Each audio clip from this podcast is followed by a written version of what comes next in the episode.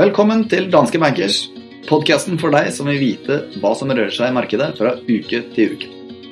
Mitt navn er Fredrik Ask Stensrud, og med meg som vanlig fra hovedkontoret på Hamar så har jeg vår sjefstrateg Christian Lie. Velkommen, Christian. Tusen takk for det, og vel overstått sommer. Ja, vel overstått sommer. Det har vært eh, århundrets sommer. Herregud, for et vær. Sinnssykt deilig. Jeg er kjenner, jeg kjenner at på tross av det så har jeg litt sånn eh, post-VM depression, om det kan kalles. Det var jo eh, veldig interessant synes jeg, å gå ned i fakta om disse landene i forbindelse med VM, og det kan jeg jo på en måte ikke gjøre nå. Men jeg har likevel bestemt meg at fra neste uke så kommer jeg til å presentere noen korte facts i starten av denne podcasten. Korte økonomiske facts om forskjellige land. Når det er sagt, så vil jeg gjerne vite, Kristian, hva er det som har skjedd i forrige uke? Ja, jeg tror eh, Forrige uke så var vel mange av oss på ferie. Så hvis vi går litt lenger tilbake da, og ser litt på en oppsummering i forhold til sommeren, så har det, hvis vi tar utgangspunkt i 1. juli, så har det vært en veldig god utvikling i, eh, i aksjemarkedet globalt. Eh, vi har hatt eh, eh, god utvikling på Oslo Børs bl.a. Vi har hatt spesielt god utvikling i amerikanske aksjer. Og det til tross for at handelskrigen egentlig har fortsatt å eskalere, spesielt da i forholdet mellom USA og Kina. Og I tillegg så har vi sett at utviklingen i verdensøkonomien den er ikke lenger en dans på roser, slik den var i 2017. Men det er heller ingen tegn til noe krise, slik vi ser det. Jeg må bare bremse deg i to sekunder. Christian, for Det er åpenbart at både du og jeg er litt rusten her, ettersom vi ikke har spilt igjen denne podcasten gjennom sommeren, men det høres faktisk ut som du sitter på en huske med mikrofonen din når den går fram og tilbake. Så du må prøve å sitte med hodet stille når du snakker. Ja, nå sitter jeg faktisk på en huske, men uh, ja. Nei, jeg skal prøve å holde, holde meg konsentrert. Jevn avstand til mikrofonen. Ja, det har jeg. Det. Eh, Når det gjelder eh, aksjemarkedet, så har det vært eh, i hovedsak drevet av, eh, av amerikanske aksjer i år. Eh, Det som er interessant å se, det er at amerikanske aksjer fortsatt, eh, faktisk er opp over 8% siden eh, årsskiftet, mens resten av verden uten USA faktisk er ned et par prosent. Så det er ingen tvil om at eh, det vi så gjennom sommeren, hvor USA er i teten, og spesielt da med tanke på teknologisektoren også i USA, selv om det har vært enkelte hiccups, så har det vært eh, en veldig, veldig viktig driver også eh, rent økonomisk, hvor eh, den amerikanske økonomien er i en særstilling i øyeblikket, hvor man opplever veldig, veldig god aktivitet, samtidig som både Europa og Kina har sine isolerte problemer.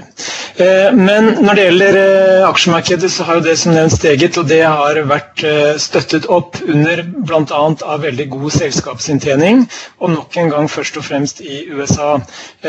Resultatsesongen for andre kvartal ligger an til å vise hele 24% vekst i inntjening per aksje målt år på år eh, i USA. Og over 80% av selskapene som har presentert sine tall, har slått forventningene. Så eh, resultatene er gode, veksten er god i USA, og gjennomgående så tror ikke investorene på at Trump vil gå all the way i forhold til handelskrig.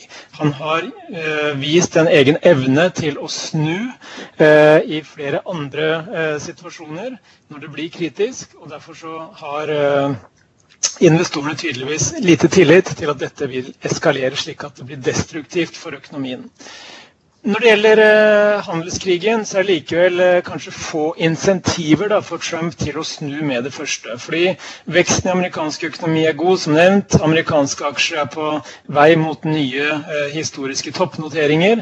Hvis man faktisk tar med reinvesterte utbytter, så har man nå en ny historisk toppnotering på eh, SMP 500.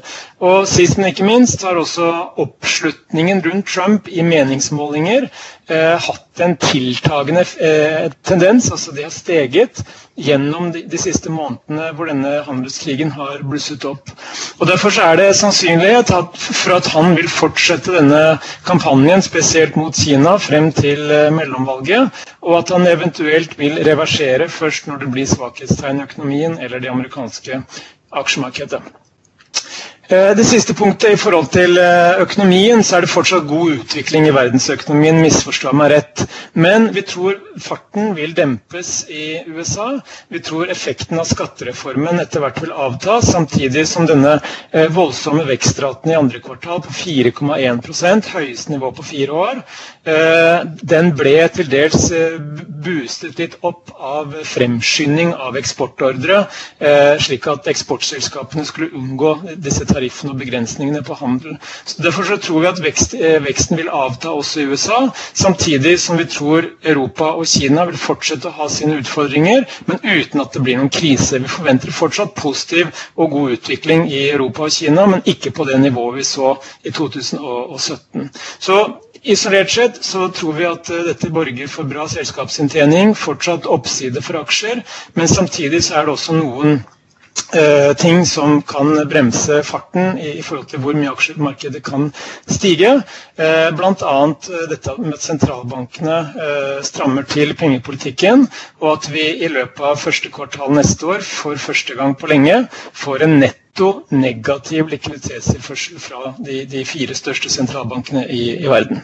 Det ble en lang monolog, Fredrik. Ja, Det var helt i orden. Bare, vi vil faktisk bare hoppe kort tilbake til det, det, du sa innledningsvis om rapporteringssesongen i USA, da, hvor det har vært en overvekt av positive overraskelser. Hvordan står det seg i forhold til eh, rapporteringssesongen i Europa? Eh, I Europa så har eh, sesongen eh, vært betydelig mer skuffende. og Det er vel rundt halvparten av selskapene som har overrasket positivt, og dermed rundt halvparten som har overrasket negativt. Og det ligger an for 2000, Bare for å sette ting i perspektiv, da, så ligger det an til en samlet inntjeningsvekst for 2018 på rundt 7% i Europa og, og rundt 20% i USA. Så det er ganske stor forskjell mellom inntjeningsveksten i USA og inntjeningsveksten i eh, Europa. Og ser man på forskjellen i hvordan investorene priser amerikanske og europeiske aksjer, så har den forskjellen steget markant gjennom de siste månedene. Og investorene har dermed betydelig større tro på at dette, denne fremgangen vil fortsette i USA, eh, og at denne relative svakheten vil fortsette i Europa. Ja, Dette her får vi også se at gjør seg gjeldende i de markedsdataene som jeg tar i slutten av denne podkasten også. Eh, hva er det som skjer neste uke? Ja, Neste uke så får vi en del interessante nøkkeltall. På tirsdag så får vi BNP-vekst for andre kvartal i eurosonen. Første kvartal for eurosonen var jo veldig skuffende. Eh, og med videre fall i en del vekstindikatorer siden den tid, så blir det spennende å se om, eh, om veksten har, eh, har, avtatt ytterligere, eller om man ser en stabilisering. ECB e virker jo ganske komfortable i forhold til utsiktene for europeisk økonomi, og peker bl.a. på at det er skapt vel 7 millioner arbeidsplasser siden finanskrisen, og dette bygger opp under det private forbruket. Men dette er, blir, spennende å se uansett. Vil du si at, du si at uh, det tallet som kommer da på tirsdag klokka 11, det vil kunne skape umiddelbare markedsbevegelser hvis det kommer inn uh, med store avvik fra forventningene? Ja, det kan være det, men samtidig så er jo BNP-tall for eh, foregående kvartal det er jo tilbake Eh, altså det, det, er å se i bakspeilet på hva som har skjedd. Det investorene er mest opptatt av, det er ofte hva som vil skje. Så disse BNP-tallene de har også en tendens til å bli revidert igjen etter hvert. Eh, så, så, det er ikke alltid disse BNP-tallene får, eh, får så store eh, påvirkning på, på finansmarkedene. Eh, onsdag så får vi amerikanske detaljhandelstall, og de er viktige fordi vi vet at eh, privat forbruk utgjør nesten 70% av amerikansk økonomi.